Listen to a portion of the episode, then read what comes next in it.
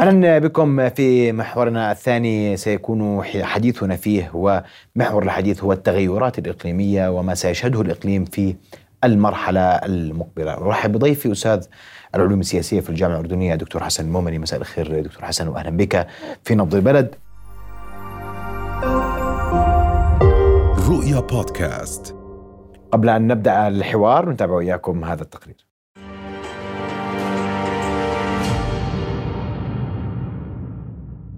ملفات متشابكة تعصف بالعالم.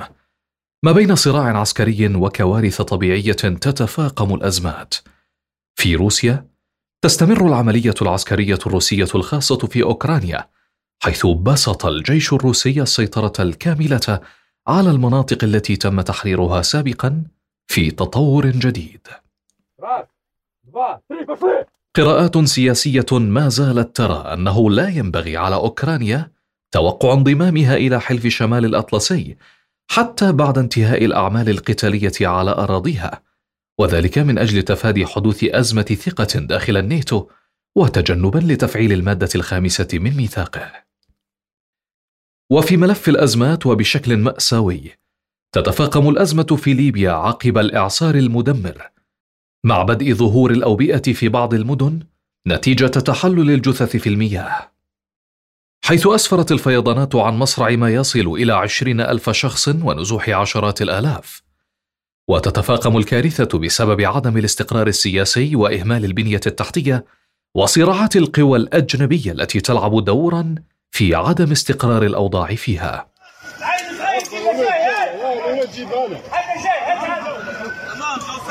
في المغرب أيضا بعد أسبوع على الزلزال المدمر فيها تتواصل الجهود لإنهاء عمليات البحث والتفكير بعمليات الإعمار لاحقا والتي ستأخذ البلاد نحو أزمة سياسية متوقعة نتيجة تردي الأوضاع الاقتصادية وعدم ضمان قدرة الدولة على دعم مواطنيها.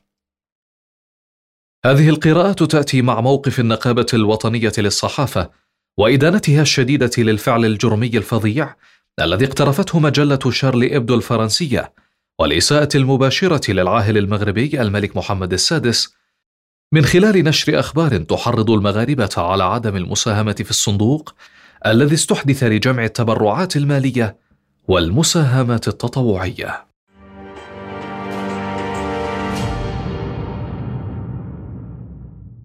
إذا تابعنا وإياكم هذا التقرير ونبدأ حوارنا مع دكتور حسن. دكتور حسن المنطقة تشهد تغيرات الإقليم يشهد تغيرات العالم يشهد تغيرات التساؤل إلى أين ستقودنا كل هذه التغيرات في العالم.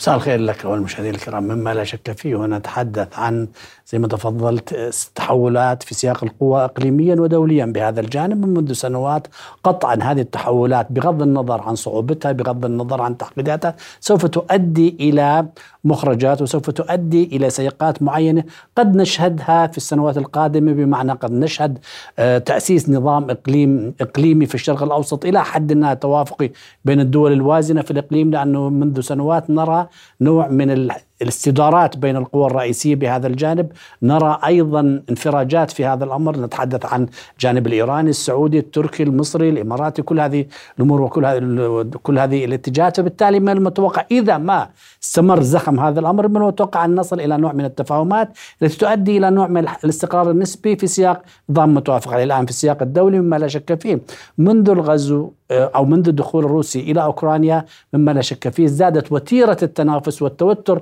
بين القوى الرئيسية خاصة عند الحديث عن الغرب الولايات المتحدة الأمريكية. روسيا الصين حقيقة وهي المنافس الأكثر في هذا الجانب وكثير من نقاط التوتر الآن في هذا الأمر. فلذلك آه، بتقدير الشخصي على المستوى القصير والمتوسط سوف نشهد أيضا استمرارية لهذه المتغيرات بهذا الجانب. ازدياد الحالة التنافسية السؤال حقيقة المطروح إنه هل العالم سيتمكن من اداره هذه الحالة التنافسية في سياق سلمي أم أننا سنتجه إلى نوع من الصراعات بهذا الجانب بهذا الاتجاه اليوم هناك تحركات صينية هناك حديث أمريكي هناك تايوان هناك إيران ملف أيضا معقد وهناك ملف روسيا أوكرانيا الذي لا يزال على حاله منذ بدء هذه الحرب أو الدخول الروسي ايا كان المسمى. برأيك اليوم وأنت بتقول اليوم كل العالم بيسأل راح تنحل بأسلوب سلمي ستبقى الأمور تجاذبات بهذه الطريقة اقتصادية أكثر منها عسكرية أم سنتجه نحو العسكره؟ موضوع العسكرة احتمال ضعيف جدا على اعتبار أن أي من الدول المتنافسة لا ترى مصلحة في مسألة المواجهة العسكرية والآن المواجهة العسكرية مكلفة الآن الحرب الأوكرانية أظهرت حقيقة كيف تكون كيف أن الحرب تعقد الواقع الدولي وتكلفتها في هذا الأمر؟ ما بالك لا سمح الله أن تكون هناك مواجهة بين الولايات المتحدة الأمريكية والصين؟ كلاهما يمتلكان جيوش قوية أسلحة اقتصاديات فبالتالي العالم لم يعد قادر على تحمل مثل هكذا أمر، كوفيد 19 إلى حد ما أرهق العالم ما بالك؟ في مواجهة بين قوى كبرى في هذا الجانب، فلذلك هذه القوى بغض النظر عن حالتها التنافسية تحاول جاهدة أن تحتوي هذه الحالة التنافسية وتديرها في سياقات سلمية وحتى قد تكون سياقات تعاونية في هذا الجانب، لذلك بتقدير الشخصي عنوان المرحله راح يكون في هنالك تعاون تنافس لكن في سياق إلى حد ما إدارة سلمية بهذا الجانب خاصة بين الدول الكبرى. وأنت تعلم من يفرض النظام الدولي من يملك في هذا الجانب. إذا بتتحدث ريال بوليتيك إذا تتحدث في الواقعيه السياسية الدول الوازنة ذات الإمكانات التي لها أدوار مختلفة تستطيع حقيقة إلى حد ما تحديد شكل النظام الدولي بهذا نعم. الجانب بهذا الاتجاه. النظام الدولي في السياق الإقليمي أيضا بالمناسبة بدأنا نشهد أيضا يمكن هذا شوية مختلف في السياسة الدولية للشرق الأوسط. بدأنا نشهد قوى إقليمية أيضا لها أدوار عالمية. عند الحديث عن العربية السعودية و2030 وكل هذه الأدوار اللي بتلعبه واللي كان آخرها يمكن في قمة العشرين يوم ما هي والولايات المتحدة الأمريكية والهند والإمارات قرروا فتح كوريدور تعاوني يربط أوروبا بالهند من خلال إقامة شبكة بنى تحتية واقتصاد وكل هذه الجوانب، فلذلك في قوى إقليمية بدأت تلعب دور عالمي، هنالك مثلا الهند تركيا التي منذ سنوات تعمل جاهدة على أن يكون لها حضور، إيران تحاول حقيقة أن تلعب بهذا الجانب، فلذلك بتقدير الشخصي على المدى القصير قد نشهد استمرارية هاي التنافسية وأن لا يستقر النظام الدولي المتوقع فيه في هذا الأمر لكن يمكن على المدى المتوسط والطويل يعني نتحدث عن خمسة إلى عشر سنوات قد نجد نوع من استقرار في النظام الدولي. هنا يوم نتحدث عن الاستقرار لا ينفي الحالة التنافسية لكن هذه الدول سواء كانت الإقليمية والدولية من المؤمل أن تنتج نوع من الإدارة في سياق معاهدات توافقات في سياق تفاهمات آه، هياكل دولية تعاون نعم. فيها. اللي يستطيعوا من خلالها إدارة هذه الحالة التنافسية الاعتمادية آه، يعني مثلا أضرب لك مثال بسيط. الغرب والعالم اكتشف أنه بعد كوفيد أن هنالك اعتمادية كبيرة على الصين مثلا. فلذلك بدأنا هذا يعزز اليوم التوجه العالمي ضد الصين إن صح التعبير بعد أن كشفت الأزمة الأخيرة أن الصين اليوم قطب لا يمكن الاستغناء عنه؟ هلا ما بدي أقول العالم تحديدا الغرب بدي أحكي. الغرب مما لا شك فيه اكتشف ذلك وبالتالي منذ سنوات الغرب بيحاول أن يخفف من هذه الاعتمادية من خلال التنويع من خلال أيضا احتواء الصين من خلال الشراكات الاستراتيجية من الشرق الأقصى إلى الشرق المتوسط إلى أفريقيا إلى كل هذه الجوانب. لذلك شهدنا خاصة في عهد الإدارة الأمريكية الحالية خلال السنتين شهدنا تحركات أمريكية آه، ازدياد التحالف العسكري بين الولايات المتحدة الأمريكية بريطانيا أستراليا في الأوكس ثم هنالك زيادة التعاون مع الفيتنام مع مع الفلبين ثم هنالك نوع من يعني بديش اسميه تحالف لكن تعاون استراتيجي كوري ياباني للولايات المتحدة الأمريكية. في هنالك الهند اللي داخلة أيضا في هذا الجانب. فهذه هنا نعم. محاولات غربية لاحتواء الصين. مقابل ذلك في هنالك جهد صيني أيضا لمقاومة هذا الاحتواء من خلال التركيز على ما يسمى في خلينا نسميه الجنوب العالمي اي معظم دول العالم الثالث اللي كانت سابقا سواء كان في في منطقة آسيا في منطقة أفريقيا أو في منطقة آه، أمريكا الجنوبية. بهذا الجانب عبر مبادرات اقتصادية الصين مما لا شك فيه دولة آه، آه، اقتصادية تريد أن تترجم قوتها الاقتصادية في قوة دبلوماسية سياسية وبنفس الوقت في هنالك ازدياد في القدرات العسكرية الصينية الآن نتحدث عن تقريبا 300 مليار ميزانية الصين العسكرية لكن ما زال الغرب والولايات المتحدة الأمريكية عندها هذا التفوق إلى حد ما العسكري التكنولوجي بهذا الأمر. نعم. أه، دكتور بدي بدي أرجع للإقليم وأرجع للمنطقة والمنطقة شهدت الأسبوع الماضي هزتين كبيرتين زلزال المغرب وفيضان أه، ليبيا. واليوم اسمح لي بدي أعمل مقارنة عالمية بسيطة بما حدث في تركيا وأزمة زلزال تركيا. العالم عندما وقع زلزال تركيا تحرك بسرعة لإنقاذ وتوجيه مساعدات والتعامل مع هذا الزلزال وضحاياه بينما لم نشهد ذات رد الفعل العالمي تجاه ما حدث في المغرب وليبيا هو تساؤل هل بات العالم فعلا اليوم يتعامل مع مع الدول بهذه الطريقة الفجة المختلفة من مكان إلى آخر؟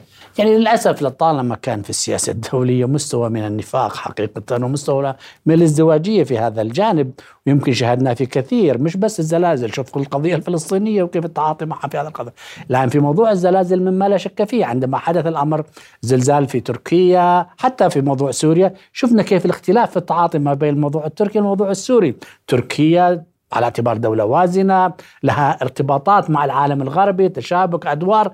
هذا وشبكة علاقاتها واسعة بينما الدول اللي نتحدث عنها للأسف الدول العربية سوريا الدولة تحت العقوبات كل هذه الجوانب كل الاتجاهات.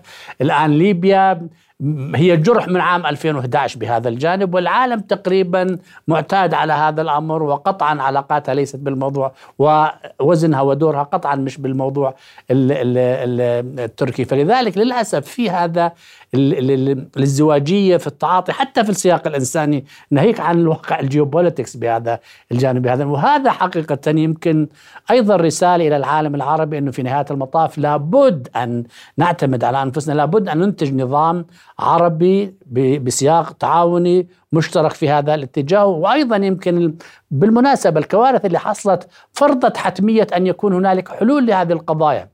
سواء كان في الموضوع السوري في الموضوع الليبي في هذا الجانب في هذا الأمر. يعني لابد يعني لابد من استغلال هذا الأمر لأنه في نهاية المطاف هذه الدول الآن تقريبا دول فاشلة. يعني تعاني المجتمعات فيها من من من من الصراعات والحروب. جاءت هذه الكوارث الطبيعية لتضيف اعباء هائله على هذه المجتمعات. وإذا السؤال المطروح طيب إلى متى الاستمرار في عدم التعاطي بجدية مع هذه الأمور. وإذا لم يتعاطى بف... إذا لم يتم التعاطي بفاعليه مع هذه الأمور قد تزداد الأمور سوء حقيقة بهذا الجانب سواء كان في سياق ال... تجدد الصراعات تجدد العنف أو في سياق الكوارث الطبيعية. فلذلك للأسف ما زال العالم يكيل بمكيالين مش بس شوف كيف الاهتمام في في القضية الأوكرانية الغرب الولايات المتحدة الأمريكية فوق ال 40 مليار دعمت أوكرانيا بينما في في في قضايا أخرى في القضية الفلسطينية ما زلنا نتحدث عن ماذا؟ ما زلنا نتحدث عن إدماج إسرائيل ومحاولة احتواء لا مسألة حل القضية. نعم طب بدي اظني في هذا الإطار اسمح لي دكتور. واليوم أنت بتقول لي في اختلاف في لكن العالم يتحدث عن الإنسانية. صحيح؟ هلا هذا البعد الشعار الشعار العام. لا مما لا شك فيه هذا البعد الإنساني موجود لطالما لكن بالغالب يتم توظيفه بما يخدم المصالح.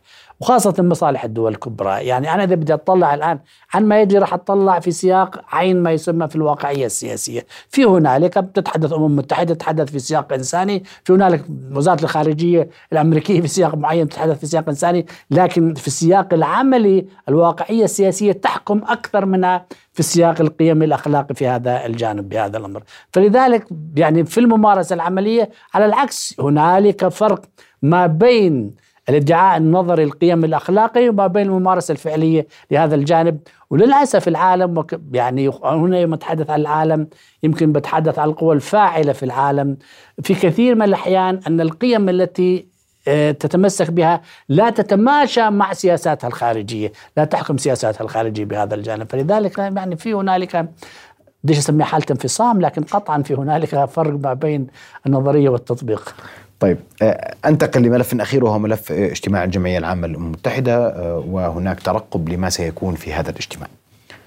برأيك كيف سيكون مشهد اجتماع الجمعية العامة هذا العام؟ يعني اللي مطروح على الطاولة كثير من القضايا العالمية ونبدأ من الأساس من عندنا من الأردن هنا واللي إحنا دائما من الأك... من الدول الفاعلة في المشاركة في الأمم المتحدة وفي الاجتماعات السنوية وجلالة الملك دعب على حضور هذه الاجتماعات. بتقدير الشخصي بدنا نبدأ من هون. راح يكون المشاركة الأردنية بالأساس القضية الفلسطينية كقضية أولوية قضايا التنمية قضايا مجموعة من الأمور وبالتالي راح يكون خطاب جلالة الملك يتضمن هذه الأمور. وهذه الاجتماعات السنوية للأمم المتحدة من الأهمية بمكان اجتماعات دبلوماسية متعددة الأطراف على مستوى القمم في هذا الأمر إضافة للقضيه الفلسطينية. قطعا راح يكون المسألة السورية بمناقشة لكن طبيعي بمستويات مختلفة. هنالك وقد مسألة الزلازل والبراكين والكوارث والمناخ أكيد 100% بدها تكون في هذا القضايا. القضية الأوكرانية بهذا الجانب مما لا شك فيه راح تكون جزء من السيطرة آه، بهذا المشهد. مسائل التوريد الغذاء السلاسل كل هذه الجوانب. مسألة الصينية الأمريكية الحالة التنافسية الصينية الأمريكية بهذا الجانب. كثير من القضايا في أفريقيا حقيقة أيضا الآن أفريقيا آه، يعني برزت إلى الواجهة خاصة بعد الانقلابات اللي حصلت سواء كان في النيجر أو في الجابون أو غيره. فاللي مطروح على الطاولة كثير لكن قطعا هذه القضايا هي أولويات آه، وبالتالي من يمتلك المصادر ومن يمتلك الحضور أيضا يقرر ما هي الأولويات التي سوف تناقشها الأمم المتحدة. برأيك هل من جديد سيحمله اجتماع الجمعية العامة للأمم المتحدة؟ لأنه إحنا في العادة يعني عشان نتفق هناك من يرى أنه دائما لا جديد هي مجرد يعني اجتماعات فقط تعيد التذكير بالقضايا العالقة لا هو يعني خليني أحكي لك شغلة الدبلوماسية تعني أن تستمر إلى أن تصل هدفك والأمم المتحدة من الهياكل العالمية المهمة جدا ولعبت دور وهذه هذه آه، منتديات دبلوماسية لابد من الحديث فيها، الجديد قد تكون بعض من حيث الناحية الشكلية والمضمون قد تكون بعض القضايا التي طرأت خلال هذا العام سواء كانت سياسية آه، بيئية أو القضايا طبيعي اللي موجودة في الأصل. لكن صارت فيها تطورات بهذا الجانب. قد يكون مثلا في الشرق الأوسط بفعل الانفراجات اللي حصلت ما يكون في الأمم المتحدة حالة تنافسية مثلا. سابقا كانت العلاقة ليست سهلة بين تركيا ومصر آه، الإيران والسعودية وغيره بهذا الجانب. الآن موضوع القضية الفلسطينية بتقدير الشخصي في هنالك. أنا بتحدث عن يعني حراك ومتغيرات. بهذا الجانب حوار سعودي أمريكي جزء منه في موضوع القضية الفلسطينية في حراك أردني مصري فلسطيني. فهذا يمكن في الأمريكان دخلوا على الخط كمان يعني تقريبا زادوا وتيرة اشتباكهم اجتماع بلينكن مع عباس وغيره نعم. فبالتالي يعني هذه الأمور. لكن لا اخذا بعين الاعتبار أيضا درجة الخلاف بين القوى الكبرى لا أتوقع أن يكون هنالك اختراقات كبيرة بهذا المعنى. دكتور حسن بدي أشكرك كل الشكر على وجودك معنا ليلى شرفتني بحضورك. رؤيا بودكاست.